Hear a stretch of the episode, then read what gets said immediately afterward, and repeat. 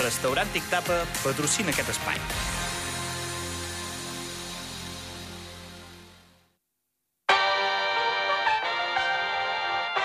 Zona Esports amb Joan López.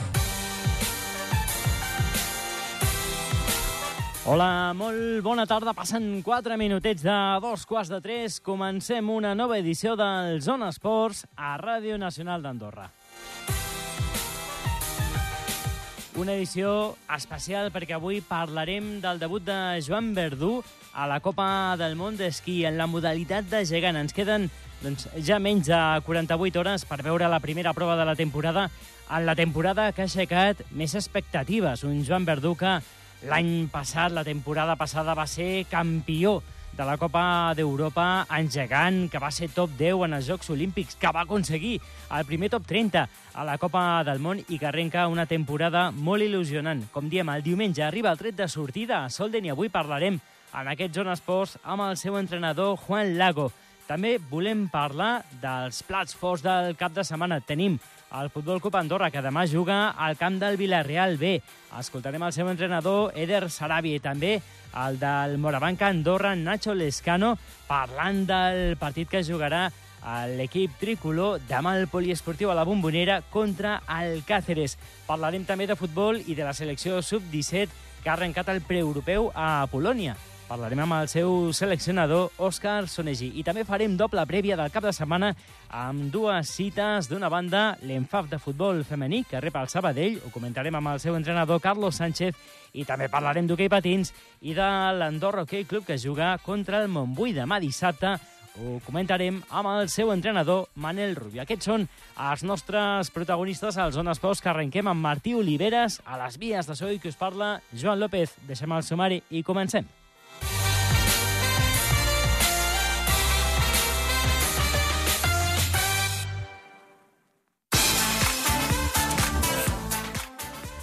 Neu. Doncs, amica, viatgem fins a Àustria i concretament a Solden, l'escenari habitual des de sempre, eh, de l'obertura de la Copa del Món amb un gegant en categoria femenina i masculina i on tindrem el diumenge i estarem molt pendents del nostre representant Joan Verdú. Ja ens escolta el seu entrenador Juan Lago. Juan, bona tarda, buenas tardes. Buenas tardes, ¿qué tal? ¿Cómo estáis? Muy bien, emocionados, con muchas ganas ya de ver en acción a Joan Verdú. Y la primera, Juan, es preguntar un poco cómo van los nervios de la delegación andorrana, que además es extensa, porque hay también uh, algunos uh, directivos, uh, gente de la Federación Andorrana de, de, Esquí, gente de Gran Valira, que organizará las finales de esta Copa del Mundo y que también serán presentes en, en esta obertura a Solden. Un poco cómo están los nervios. Bueno, de momento estamos tranquilos, al final el trabajo está hecho, así que esperando que llegue el domingo para empezar la carrera y estamos tranquilos, la verdad. Uh -huh. Tranquilos y con muchísima ilusión y ambición, me imagino, Juan. Hemos visto a, a Joan uh, muy convencido, ¿no? con mucha confianza en, en, su capacidad, en sus posibilidades. ¿Cómo le ves tú?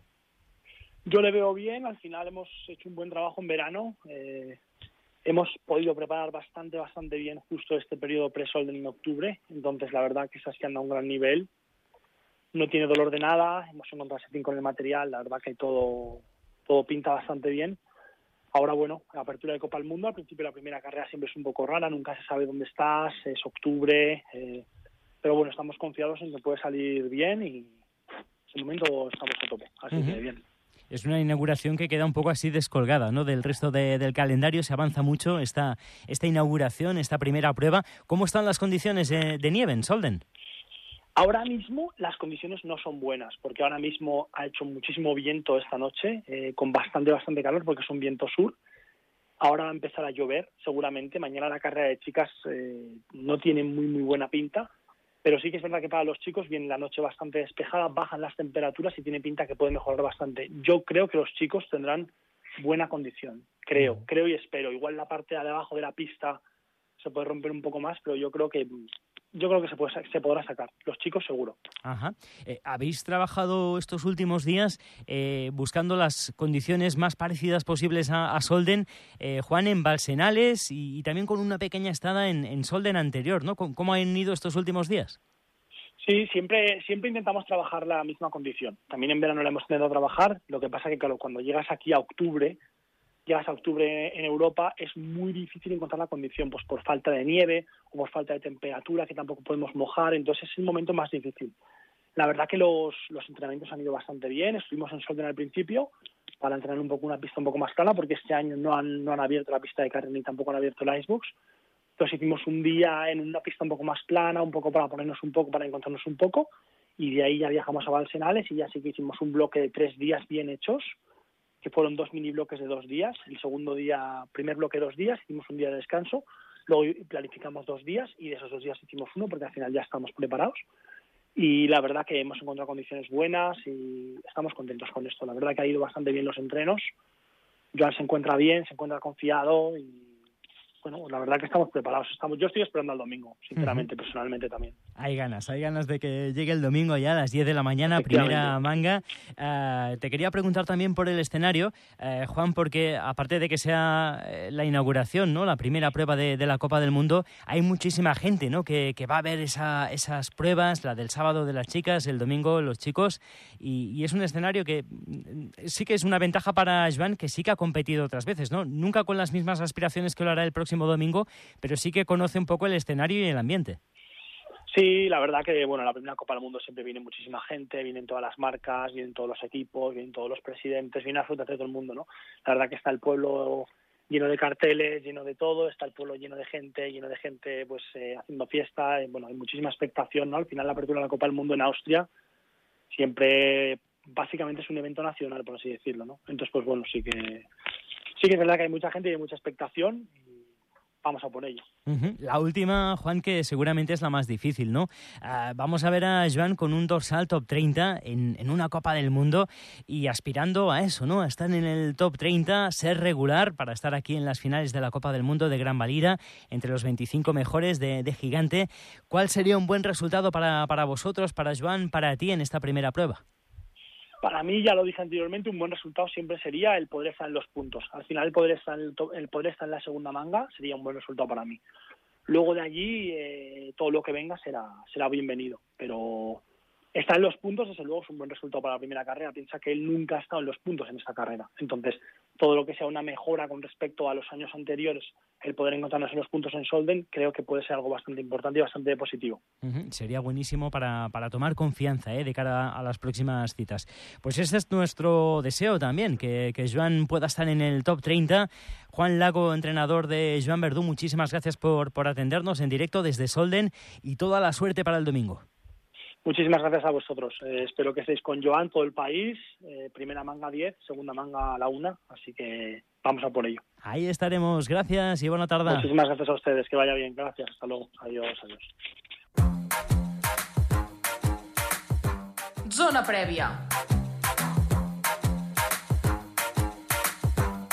Doncs, a mi, 42 minuts, passen ja de les dues, seguim al Zona Esports i el que dèiem, és un cap de setmana, com tots, amb plats forts que seguirem intensament aquí a Ràdio i Televisió d'Andorra. Demà, d'entrada, el Futbol Club Andorra visita el camp del filial del Villarreal el Villarreal B, l'equip de l'Iker Álvarez Deulaté, tot i que tenim el porter de la selecció últimament més en dinàmica de, de primer equip, eh? Però, com diem, demà a un quart de cinc de la tarda, aquest partit que podreu seguir en directe per Ràdio Nacional d'Andorra amb el Joel Romero i també pel canal web d'Andorra Difusió.d. Un Villarreal B, que ara mateix és 13, el Futbol Club Andorra, recordem, arriba a la cita 11 classificat a la Lliga Smartbank amb dues derrotes consecutives en els dos darrers partits a casa. L'objectiu, intentar retrobar-se amb la victòria. Escoltem el seu entrenador, Eder Sarabia. Si también supiéramos que no teniendo la posesión ganábamos, pues igual elegíamos otro camino. ¿no? no hay nadie que tenga la varita mágica para, que, para decir, no, jugando de esta manera vas a ganar siempre. ¿no? Entonces, dentro de este modelo que hemos elegido, dentro de este modelo que es el que yo siento, el que me gusta, con el que me siento identificado, con el que creo que sé transmitir a los jugadores, con el que creo que mis jugadores disfrutan y que además hemos demostrado que es eficaz, pues evidentemente vamos a, a esos detalles.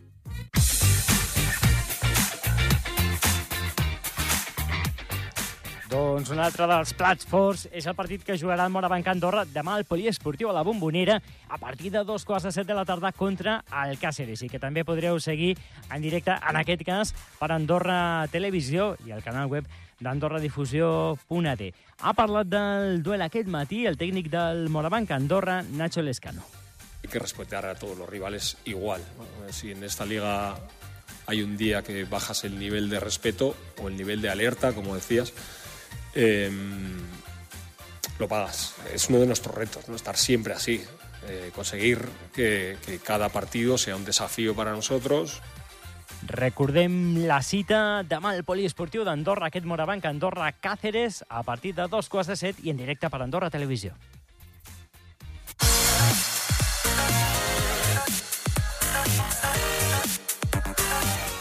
Zona Internacional. Doncs som que seguim en directe al Zona Esports, ja pràcticament fregant els tres quarts de tres de la tarda. Anem a tornar a agafar les maletes i viatgem en aquest cas fins a Polònia, on tenim a la selecció sub-17 de futbol, que ahir va obrir el pre-europeu amb una derrota ajustada contra Àustria per dos gols a zero. Ja ens escolta el seu seleccionador, Òscar Sonegí. Òscar, bona tarda. Hola, bona tarda. Gràcies per atendre'ns. Després d'aquest primer partit del pre-europeu, que no sé quin regús eh, us ha deixat, Òscar, perquè la selecció va ser molt competitiva i al final un gol al final de la primera part i un gol a l'inici de, de la represa van decidir a favor d'Àustria. Bueno, al final, en general, estem molt contents, no? Perquè mm, no, no ens oblidem de que estem enfrontant-nos amb una selecció tan potent com Àustria i, i, que, i que el partit, eh, com s'ha desenvolupat, pues, eh, pues ha sigut eh, un molt bon partit, no? És una llàstima que per petits detalls al final eh, el, eh, canvi, canvi, la, canvi el resultat, però bueno, estàvem a dos minuts d'anar de marxar a mitja part amb, amb, amb un empat i bueno, un, un, un penal molt dubtós, pues, al final eh, marxes amb 1 a 0, amb, amb molt bones sensacions i bueno, a la represa potser és veritat que, que no vam sortir eh, ens va faltar aquesta concentració, potser el, el, el penal ens, ens va afectar una mica i es van trobar de seguida amb un altre penal que també molt dubtós i amb un 2 a 0. Però bueno, lo important és que, és que van tornar a mantenir la concentració, la intensitat, vam estar dintre del partit, vam tindre ocasions i, i no, no, només ens, ens hem de treure el barret per a, per a aquests xavals, no? Uh -huh. Dos penals que acaben decidint el partit, perquè els dos gols d'Àustria venen des del punt de la pena màxima, però deies ara, Òscar, dubtosos, eh, no sé, com una miqueta més en fred i amb la perspectiva, no?, una mica de, de veure el partit mm, posteriorment, si, si creus que, que aquests eh, penals doncs, eh, van ser justos o, o no? Bueno, al final és el que et comentava, no? Són, són, són detalls.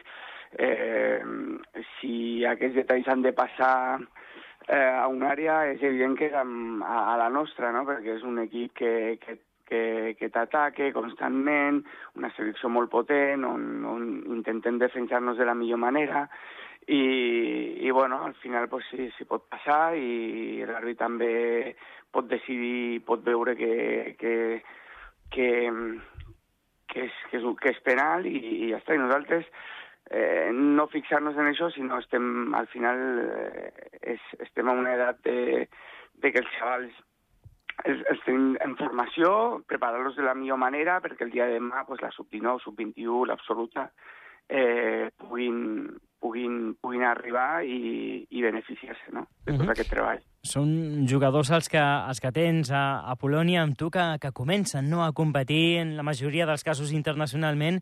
Com és el grup que, que està jugant aquest preeuropeu, Òscar?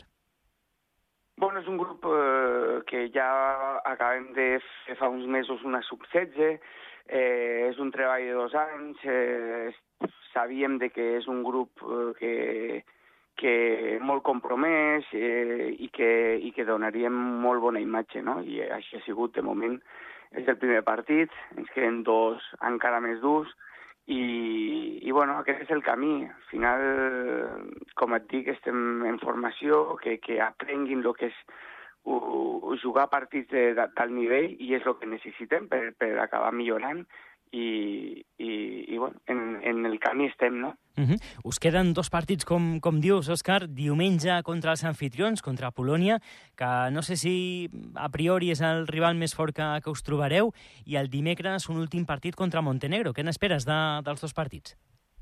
Bueno, pues la veritat que el grup s'ha complicat encara més, no? perquè Montenegro va poder superar Polònia, que era la favorita, eh, i ara ens trobarem una Polònia molt, molt, molt fort, no? que necessita els punts, que, que necessita gols, i, i, bueno, i després ens quedarà Montenegro, que és la sorpresa, i hem vist imatges, la veritat que les tres són molt fortes, qualsevol de les tres es pot classificar i, i bueno, nosaltres pues, intentar mirar i mirar-nos nosaltres mateixos, com, com et deia, intentar millorar, eh, ser competitius i, i hem demostrat que contra Àustria que podíem estar allà i podíem competir i, i, i podien haver tret, tret un resultat molt millor i, i aconseguir això, no? Al final estem per això, per intentar arribar, apropar-nos lo màxim a rivals que són molt superiors. No? Uh -huh.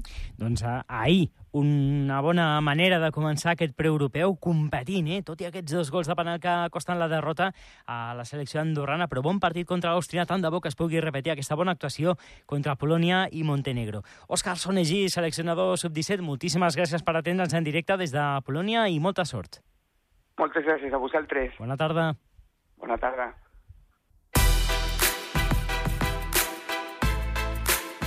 Zona Agenda. Doncs, amica, anem encara en la recta final. Eh? Encara 10 minuts per davant de Zona Esports els volem dedicar a dues cites. D'una banda, futbol femení i d'una altra, hoquei okay, patins. Comencem amb el futbol i l'Enfaf, que demà jugarà la Massana contra el Sabadell, la primera catalana femenina, i és un Enfaf que ha començat bé la temporada. És un equip que doncs, eh, va començar potser amb el nou entrenador, nou projecte, necessitava una miqueta de temps, però sembla que ja ha agafat una molt bona dinàmica i, per tant, demà esperem un bon partit. Ja ens escolta el seu entrenador, Carlos Sánchez. El Manyo. Carlos, bona tarda. Hola, bona tarda. Moltes ganes de, de veure, suposo, el, el partit de demà contra un Sabadell que també ocupa la part alta de la classificació i un enfaf al teu equip que sembla que es troba en línia ascendent. Doncs la veritat és que sí, eh, portem dos victòries seguides. Eh, és veritat que encara tenim que recuperar la, la jornada que es va ajornar contra el Mataró, que jugarem el dia 1, però primer pues, l'objectiu és guanyar aquest dissabte amb el Sabadell, la línia és ascendent, les noies pues, mm, estan, estan en un moment molt dolç i la veritat que bueno, estan sortint de mica en mica, hem tingut que començar un projecte de nou, però molt content perquè a poc a poc està sortint el que volíem. Uh -huh. A poc a poc, Carlos, però no sé si més de pressa del que tu mateix esperaves, no? Perquè, evidentment, clar, un nou entrenador, un nou projecte, tot això necessita temps. Doncs sí, la veritat és que m'esperava allargar una miqueta més pues, tot, tot aquest acoplament que s'havia de fer, les noies, la veritat, que són esponges, les, lo, ho agafen tot, tot molt ràpid i estic content perquè hem guanyat pues, una miqueta de, de lo que jo m'havia previst, sobretot a nivell de resultats. No? Si ja finalment de, demà ja es guanya el Sabadell, que aquest, evidentment és l'objectiu, i si seguim amb aquesta línia ascendent doncs jo crec que s'ho posarem molt complicat també al Sabadell, doncs, doncs bueno, que, que continuem no, el sumar punts. Uh. -huh. Ara es fa, clar, difícil, no?, comparar una categoria amb l'altra. Recordem que l'Enfaf ve de jugar la categoria superior la temporada passada, on va patir molt no, per, per fer gols. Va ser una de les mancances de l'equip i, a diferència d'això, aquesta temporada, Carlos, l'equip està veient porteria amb, amb facilitat. Ja dic que no, no es pot comparar una categoria amb l'altra, però sí que doncs, és un molt bon senyal. Sí, la veritat és que sí. Vam tindre la sort de fer un partit de pretemporada amb un equip de, on estava l'Enfafe l'any passat.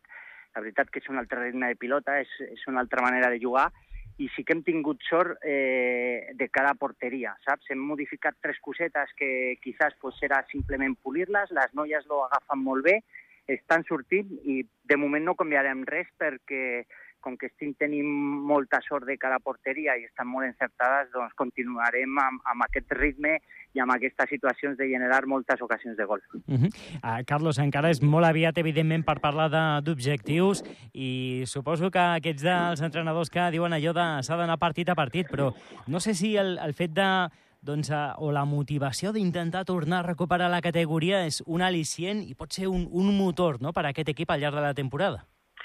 Personalment, que, que, que de ser el primer no? en, en tot, la veritat és que estic empunyant molt perquè aquesta situació pues, cada vegada es trobi més. És veritat que ja estem molt lluny encara de, de finalitzar la temporada, però és cert que, per què no, conforme les noies van agafar eh, aquesta manera de jugar, aquesta confiança de que venien de l'any passat d'una temporada que no va ser molt bona a nivell de resultats, sobretot, pues, de mica en mica pues, anar guanyant punts, eh, eh, meter gols també i, i que les coses vagin sortint, pues, pues no et diria que no, no? És, és molt aviat per, per, per fer qualsevol predicció, però bueno, eh, t'ho podré contar lo millor cap al mes de gener, a veure com anem, com està la situació, eh, poder veure la resta dels equips que estan també treballant també per, per, per assolir eh, l'objectiu de cadascú, però bueno, ja, ja et contaré d'aquí a, un, a unes setmanes. Anirem parlant, Carlos, i, i ho anirem seguint. De moment, recordem, demà a 6 de la tarda a la Massana, aquest partit entre l'Enfaf i el Sabadell.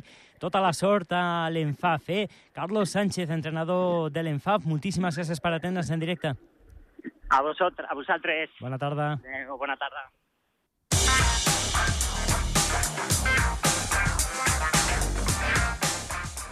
I som que encara seguim en directe al Zona Esports. Ara sí, amb el nostre darrer protagonista d'aquest programa, parlem d'hoquei patins i d'un altre equip que juga a casa aquest cap de setmana. Ho farà demà a les 8 del vespre contra el Montbui, buscant la segona victòria a la segona catalana. Ja ens escolta l'entrenador de l'Andorra Hockey Club, Manel Rubio. Manel, bona tarda.